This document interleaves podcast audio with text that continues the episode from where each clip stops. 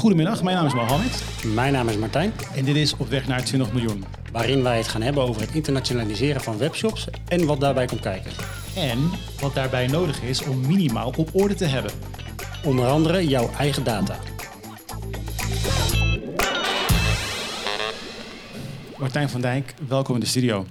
Dankjewel. Hoe is, je, hoe is jouw dag tot zover geweest? Rustig opgestart, ehm, klantmeeting en met jou geluncht. Gelukkig, goed om te horen. En eh, de klantenmeetings gaan ook allemaal lekker, eind jaar. Ja, voorbereid voor volgend jaar. Hoe, hoe is Black Friday gegaan? Toen is mijn zoontje geboren dus op Black Friday. Dus ik Echt was waar? op Black Friday. En hij, heet, hij heet Jack, dus het was Black Jack. jemig, Black Jack. Friday. Dus ik was eh, op Black Friday was ik offline. Ja, ja, nou wauw, dat heb je goed gedaan. Als... Maar het is goed gegaan, ook op, met klanten, alles is goed gegaan. Gelukkig, want jij bent eigenaar van een eh, eh, marketingbureau. Kan jij een korte introductie geven van eh, wie jij bent, wat je doet? Ik ben Martijn van Dijk, eigenaar en mede-eigenaar en oprichter van Increase. eh, digital marketingbureau.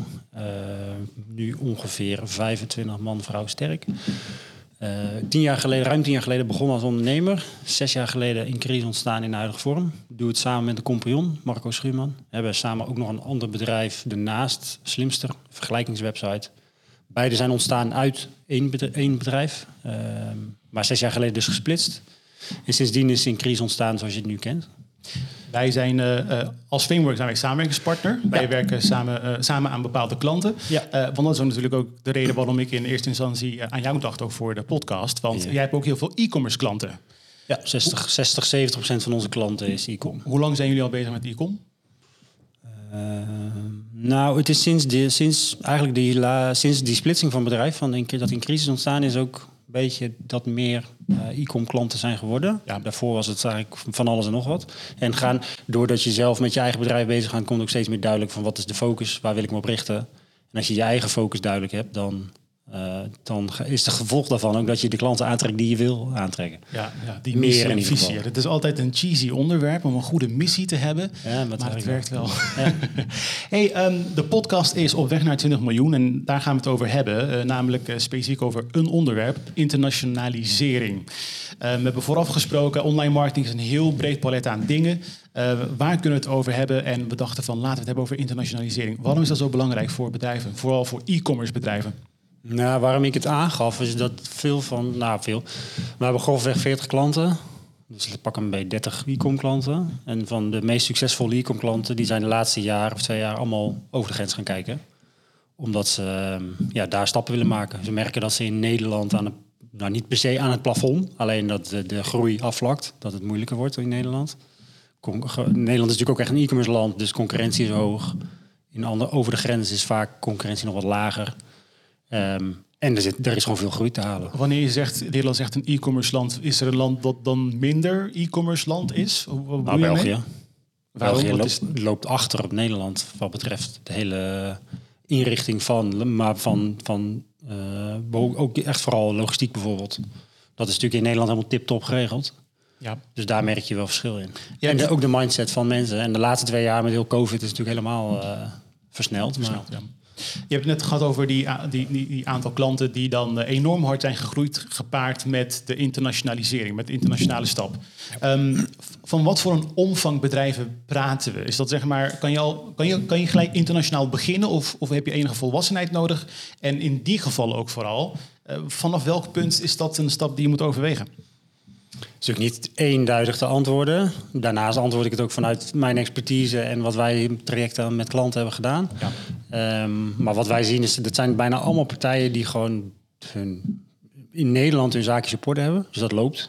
Eh, shop is goed, campagnes zijn goed, content is goed, het hele verhaal is goed, zeg maar.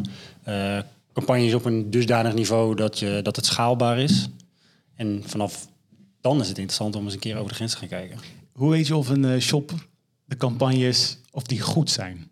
Ja, ja goede vraag. Stel dat je, want wat ik neem Nou ja, aan... als, je, als je in Nederland goed, eh, gewoon cijfermatig ook gewoon goed draait, goed resultaat hebt, goed eindresultaat hebt, dan weet je op een gegeven moment, ehm dat is natuurlijk de grootste graadmeter of je het goed doet.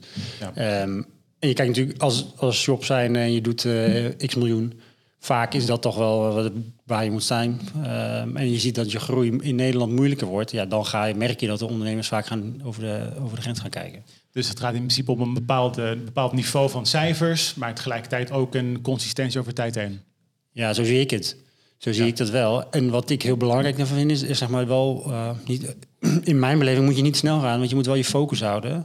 Want als je... eh, je doet het niet eventjes. Je doet niet eventjes Duitsland, eventjes Frankrijk, eventjes Engeland. Zeker niet met de hele brexit, et cetera. Maar je doet het niet eventjes erbij. Het vraagt bijna net zoveel aandacht, Ja.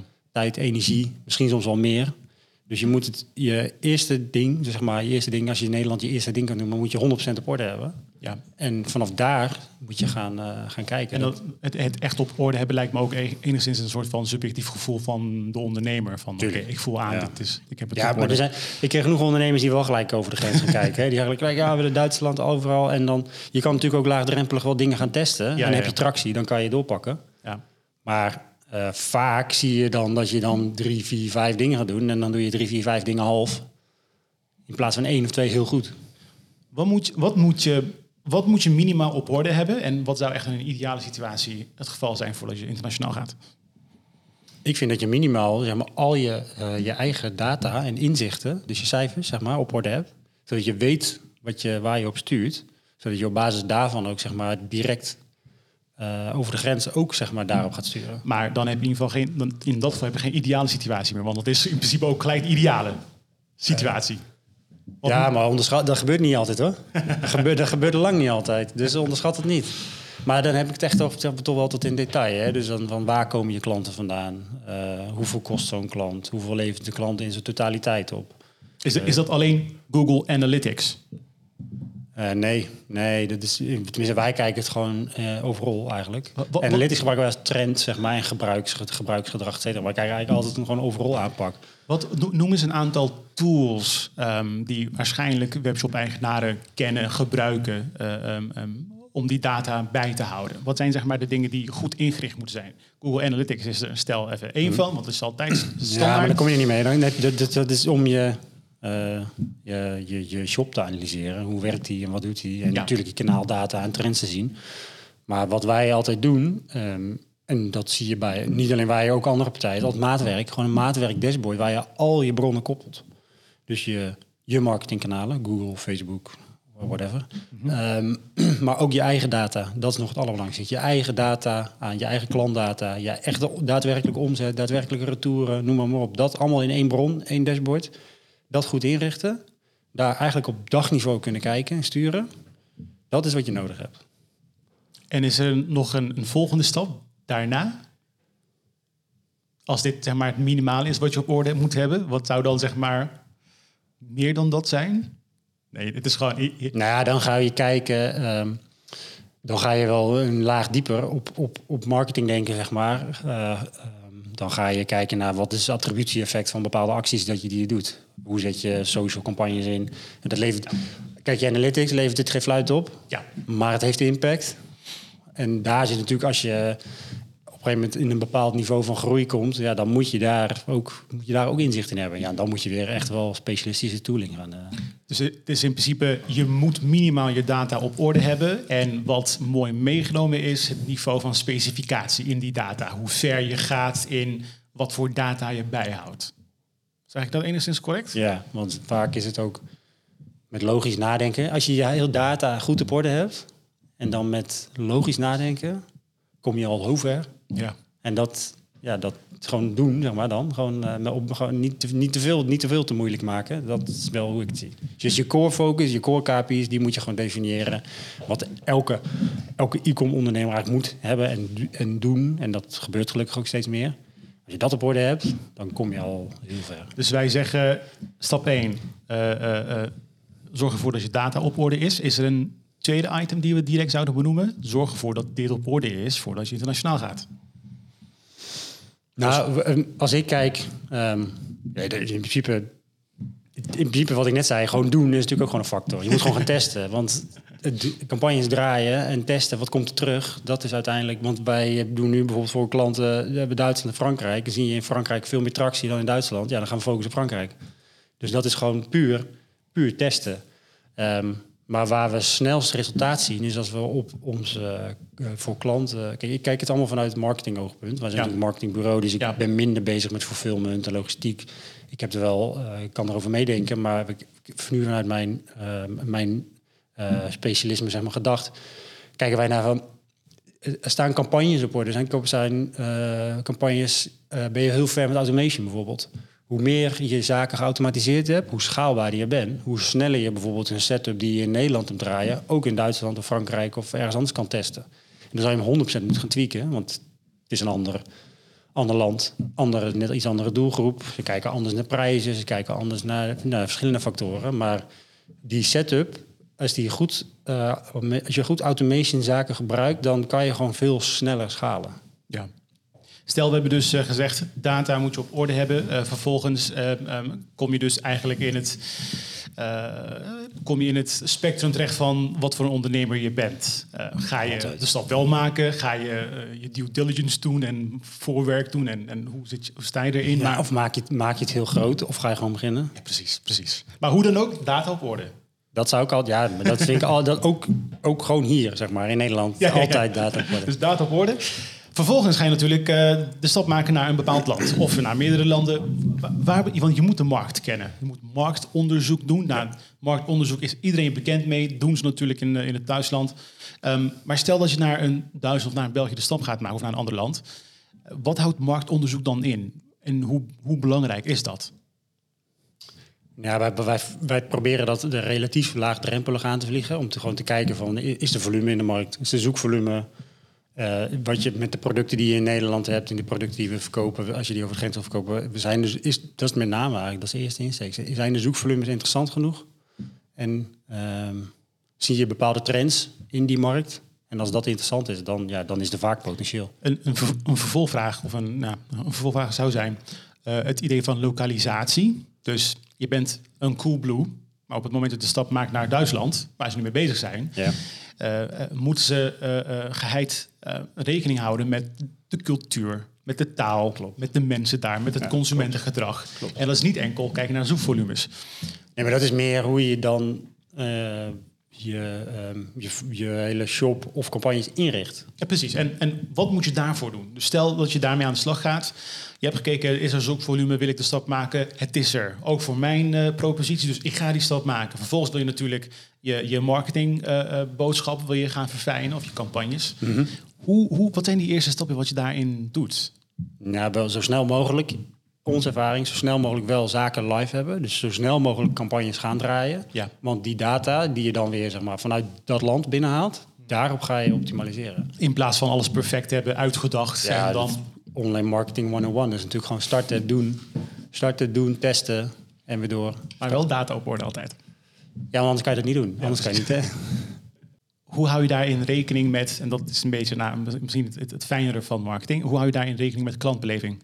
Hoe analyseer je dat en hoe speel je daarop in? Of speel je daar überhaupt in? Of hou je daar gewoon geen rekening mee? Jawel, joh, we hebben vaak genoeg gezien dat als je al naar België kijkt, dat we precies dezelfde setup waar we mee beginnen in België, als dat, dat het gelijk is uit Nederland, dat het echt niet hetzelfde werkt. Ja. Dat vooral prijsperceptie bijvoorbeeld, prijsbeleving, hoe kijken ze naar prijs, hoe kijken ze naar korting, dat is totaal anders dan, ehm, dan, dan in Nederland. Maar ook, ehm, ook hoe de, hoe de eh, bepaalde processen bij, in een land werken. Ehm, pak hem niet een shop, maar bijvoorbeeld wel van stel, pak een verzekering. In Nederland sluit je alles online af. Een Belg die gaat gewoon nog naar een lokaal verzekeringskantoortje. Zijn ze niet gewend? Nee, precies. Maar dat is totaal iets anders, zeg maar, waar je wel rekening mee moet houden. Dus dat, en dat is bij, ook bij e-commerce heb je dat ook wel dat soort voorbeelden. En dat is wel eh, waar je moet, op moet inspelen. Hoe- hoe- en- en, lokale, sorry dat ik onderbreek, lokale...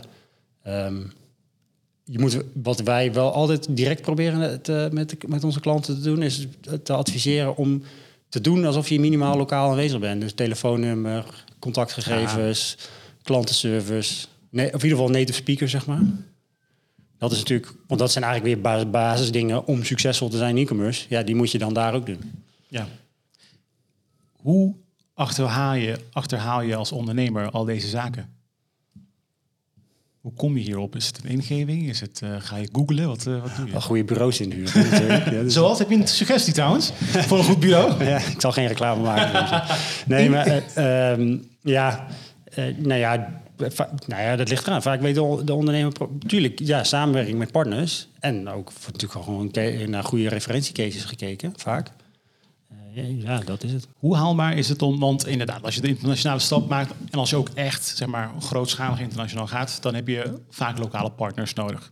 Um, heb je een mening over wel of geen partners? Of is het haalbaar zonder, haalbaar zonder partners? Om alles, om alles volledig vanuit, uh, vanuit uh, Nederland te doen? Tot een bepaald niveau, denk ik. Ja. Ik denk dat je heel ver komt. Uh, alleen denk dat je zeg maar uh, misschien wel uh, je, eerste, je eerste groei heel hard gaat, zeg maar, ook over de grens. Alleen dat op een gegeven moment dat je, ja, um, ja, als je bepaalde groei verder wil doorzetten, dan zal je ook maar specialistisch marktkennis of native speakers, dat soort taken nodig hebben om die vervolgstappen te maken. Ja. Dus je zal wel uiteindelijk, als je het echt goed doet, moet je ook lokaal. Of het hoeft, die mensen hoeven niet lokaal te zitten, maar je moet wel native speakers hebben. Ja. Als jij in Nederland, bijvoorbeeld, als jij in Nederland uh, een paar miljoen doet en je doet in Nederland, dan kan je heel snel in Duitsland een paar ton doen. Maar wil je in Duitsland ook een paar miljoen doen, ja, dan moet je dat wel echt anders inrichten. Ja. Wat is de grootste kostenpost uh, als, uh, als een bedrijf, als een webshop internationaal gaat? Ja, wat ik net zei, ik kijk het even dan vanuit mijn expertise. Ja. Dus niet zeg maar de achterkant en fulfillment, noem maar op. Maar vanuit mijn expertise is natuurlijk taalbarrière is natuurlijk de grootste.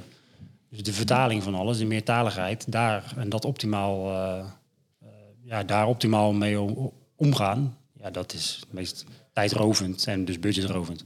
Dus, dus meer, dan, um, meer dan de techniek die je eventueel aan de backend moet aanpassen, meer dan de campagnes die je moet ja, campagnes raken taal. Ja, klopt. Maar de techniek niet. Ja, ja. Dus, dus je, je een, een webshop vertalen en je campagnes vertalen. En uh, dat. En, uh, daar, daar, ik zeg Duits, maar bijvoorbeeld dus een andere taal klantenservice. Dat, dat is. Uh... Uit, uit hetgeen wat we tot nu tot zover hebben besproken. Hè? Je, hebt, je, hebt, je hebt het gehad over een aantal klanten of nou, bedrijven die je, waarvan je weet ze hebben de stap gemaakt, zijn hard gegroeid. Kan je misschien één of twee anekdotes delen die, waarin, waarin dat bedrijf of die webshop zeg maar, uh, een bepaalde uitdaging of een bepaalde challenge had. Uh, of juist ergens heel goed op had ingespeeld en een bepaalde mooie stap ja. heeft kunnen maken? Ja, nou, wij werken voor een webshop die ook heel veel uh, gepersonaliseerde producten verkoopt. Ja. Um, dus dat is best wel, het is allemaal maatwerk, dus je kan het ook veel moeilijker retouren en zo. Dus mm -hmm. voordat ze naar een land gaan, willen ze dat wel op orde hebben. Ze zijn met een aantal landen al heel lang bezig.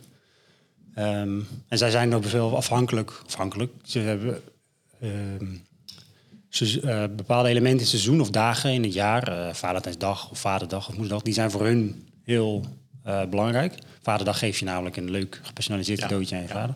Dat verschilt per, um, per land, wanneer wat is. Aha. En ook hoe groot het is. Hmm. Bijvoorbeeld, bijvoorbeeld, dus Sinterklaas is natuurlijk Nederland, en, maar kerst en cadeautjes is in Duitsland bijvoorbeeld gigantisch. Maar en daar was ook Vaderdag gigantisch. En daar zagen ze in één keer dus enorme attractie in een bepaald land op maar bijvoorbeeld drie producten. En waren ze in no time uitverkocht op die producten. Wisten ze dat vooraf en hadden ze daarop voorbereid? Of? Nee. Okay. nee. Nee, dat is wat je leert uit de data. Ja, ja. ja wisten ze het? Ja. ja, misschien wel van het is daar populair. Maar dat het zo hard gaat, dat wisten ze niet. Ja, dat is wel bijzonder. En dan is het ook, ja, en je kan het is soms ook best wel moeilijk om dan zeg maar een jaar later het weer zeg maar daarop in te spelen. Dat betekent niet dat je weer hetzelfde succes hebt. Ja. Andere uh, internationaliserings, uh, andere bedrijven die internationaliseren zijn natuurlijk de grote marketplaces. Ja. Amazon die uh, is sinds kort ook in Nederland, nou kort, lang, nou, is in Nederland en, en Duitsland al langere tijd. En ja. Is het een dreiging, het idee van hè, al die marketplaces, voor de webshop die de internationale stap wil maken? Nou, of, of moet je niet... Het, het is, dus nee, het is een kans, want als jij de Duitse markt wil, uh, op wil... dan is natuurlijk Amazon het meest laagdrempelige wat er is... om snel volume te creëren. Ik denk dat marketplaces al zich... Ik weet niet precies hier in Nederland, maar volgens mij in Duitsland... is 50% van de e-commerce is Amazon. Dus ja, dat is al een behoorlijk, behoorlijke hap. Ja. Dus daar heb je mee te dealen. Dus je kan op Amazon gaan verkopen. Maar dan moet je wel, uh, ja, je levert natuurlijk bergmarge in. Dus je moet wel al je andere voorwaarden op orde hebben. Ik denk dat we, dus is het, je vroeg net, is het een bedreiging? Ik denk niet zozeer dat het internationaal uitmaakt. Het is gewoon aan zich zijn marketplaces natuurlijk wel een uitdaging voor shops. Ja. Want ze zijn kans, biedt kansen, maar het is ook een bedreiging. En dus het belangrijkste denk ik als shop of shop gewoon als, als, uh, als e-commerce speler is dat je zelf ook een sterk merk bent. Dat is denk ik het allerbelangrijkste. En het liefst dat je een sterk merk of producten van eigen merk verkoopt. En is dat misschien een reden waarom uh, Coolblue het juist heel goed uh, zou kunnen doen? Ja, dat is natuurlijk al, dat is, zo'n, dat is zelf zo'n mammoetanker al inmiddels. Dat is natuurlijk niet te vergelijken met de partijen waar wij nee, voor werken. Dat is waar. Dat is waar. Dus daar kan, daar kan ik moeilijker over oordelen, denk ik. Um, maar die, die, zelfs die voelen zich bedreigd door Amazon. Dat durf ik 100% te zeggen. Ja. In welke landen gaat het goed? Gaat het hard? Ja, wij zien gek genoeg dit jaar zien we dus heel veel bij over meerdere klanten, dus dat is een trend, dat ja. Frankrijk heel goed doet. Okay. Veel meer dan Duitsland. Terwijl de eerste voor de Nederlandse ondernemer is de eerste stap is België, de tweede stap is Duitsland. Maar ik zou nu veel eerder naar Frankrijk gaan. Ik ga door naar deel 2 van onze podcast. Dan hebben we een leuk uh, muziekje voor. Um, want ik had je ook gevraagd om uh, een drietal zaken voor te bereiden. Ja. En uh, één daarvan, of de eerste daarvan, is een gewaagd groeigetal. Dus internationalisering, dat is natuurlijk iets. En waarom doen ondernemers dat? Nou, ze willen natuurlijk onderaan de streep willen ze centjes zien op den duur. Um, wat, wat is de winst, wat kan de potentiële winst zijn, de gain zijn van, van die stap, van die internationaliseringsstap? Ja, dat is natuurlijk. Ja, ja dat is natuurlijk toen ik de van vraag alles zijn. dacht ik, dacht ik, ja, wat, is, wat, is, wat voor getal kan je daaraan hangen? Dat Of tenminste een getal wat, wat, wat een beetje in dat domein ligt, maar een getal van wat, wat zie jij gebeuren? Ja, je kan, als je het dus goed doet, kan je in. We zien nu bij een aantal klanten. eh, waar we vergelijkbare strategieën hebben, zeg maar, die vanuit Nederland dan internationaal opereren. Dus zeg maar de landen langs een beetje bij uitrollen. Dus Frankrijk, Duitsland, Engeland, Scandinavië, Polen. Ehm, in, in twee, drie jaar tijd, nou, misschien wel minder zelfs, nemen heel veel van die landen de overhand. Dus waar Ah. ze, zeg, maar, zeg maar, Nederland de grootste is en dan een beetje landen eromheen, draait het in no time om. En dan natuurlijk alle, alle andere landen bij elkaar snel, maar ook andere landen, zeg maar. Dat in één keer Frankrijk het grootste is of Duitsland het grootste is. Ja, dat betekent dan ook voor je, voor je focus en mindset, zeg maar, van hoe, hoe, hoe, hoe ben je aan de slag? Ja. Ben je daar, moet je daar behoorlijk dan... eh, ja, dat vra- vraagt wat verandering. Wat ik, eh, Dat gaat wel snel. Zo. Wat hij zelf interessant vond is, eh, dus wel de, dus ergens een voorgaande podcast zaten we met Bas van Bas Smulders van, van SandCloud. En hij, zij zijn natuurlijk ook, ze hebben een enorme investering binnengehaald, zijn enorm hard aan het groeien, Europa. En hij gaf ook aan, echt het beste wat e-commerce, eh, eh, of tenminste webshop-eigenaren kunnen doen, is gewoon internationaliseren. De markt is zo groot. Nou ja, je moet je nooit... vij- 17 miljoen mensen in Nederland, dat is natuurlijk gewoon... Je moet altijd groter denken. Vind, vind ik. Hoeveel mensen wonen er in Europa? Ik heb geen idee. Meer dan 17? 200 miljoen of zo? nee, meer. 300 miljoen. In ieder geval veel meer dan wat er in Nederland eh, in ons klein landje is. Ehm, ja, maar dat is het ook gewoon. Als je, als je, als je die stap maakt, is het gewoon een veel grotere markt. En als je daar ook nog eens eh, je draai moet dus te vinden. Ja. Kijk, vaak zijn bedrijven die starten, tenminste de, de, de, de podcast heet op weg naar 20 miljoen. De shops die in die fase zitten, die beginnen gewoon. En die gaan later pas denken over internationaal. Niet veel beginnen met denken, gelijk internationaal denken. En dat zijn vaak ook wel de echte succesvolle partijen, die gelijk internationaal denken.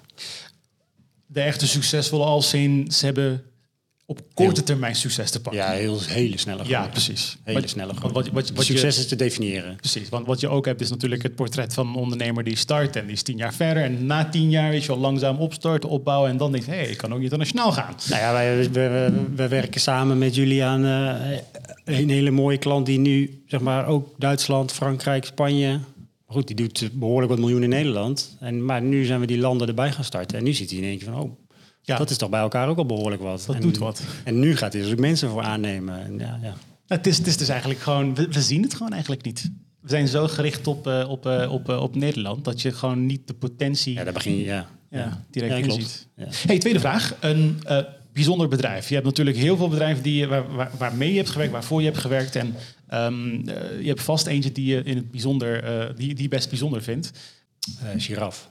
Ik ben zeker niet objectief, want ik werk al heel veel jaartjes voor ze. eh, op eh, CEO-vlak, CA-vlak, eh, campagnes. Maar ik ben ook 100% de doelgroep. Ja, Een lange man die, Ja. die, die niet in het verleden moeilijke shirts en dingen vond, kon vinden. Sowieso is internet daarvoor een uitkomst en webshops. Want je kan, goede webshops kan je gewoon alles perfect, de maten, filteren, lengtematen. Is nooit zo makkelijk geweest als de laatste vijf jaar om kleding voor mij te kopen, zeg maar. Ten opzichte van, uh, van vroeger. Dat is echt, echt, echt waar. Ja. Maar zij zijn ook zo'n partij die daar zo op ingespeeld zijn. En ze bestaan tien jaar.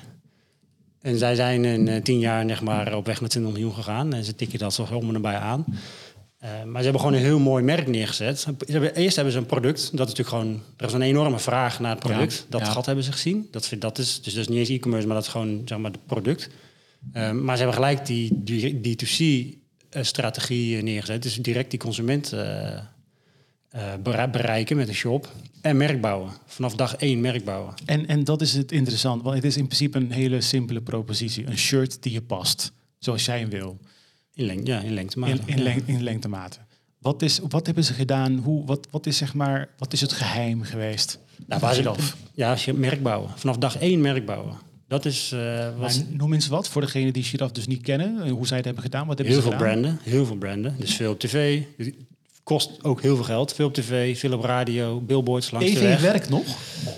Nou, tien jaar geleden was het nog anders dan nu, maar het werkt zeker. Maar wat, we, wat wij zien, omdat wij dus ook al lang voor ze werken, is dat alles wat wij doen op performance marketing gebied werkt ook beter door het merk wat zij hebben gebouwd. Ja. En daar zie je bij heel veel partijen verschil, zeg maar. Um, uh, het merk bouwen en, je, en, niet alleen zeg maar, dan het bereik kopen zeg maar, op, uh, in campagnes, maar ook zeg maar, het verhaal van je merk, rondom je merk. Dat, dat neerzetten, dat maakt echt het verschil. Dat maakt het voor je, voor je totale business, zeg maar, maakt dat het verschil. Is, is misschien niet een significant onderdeel van de, de secret sauce dan eigenlijk dat het D2C is?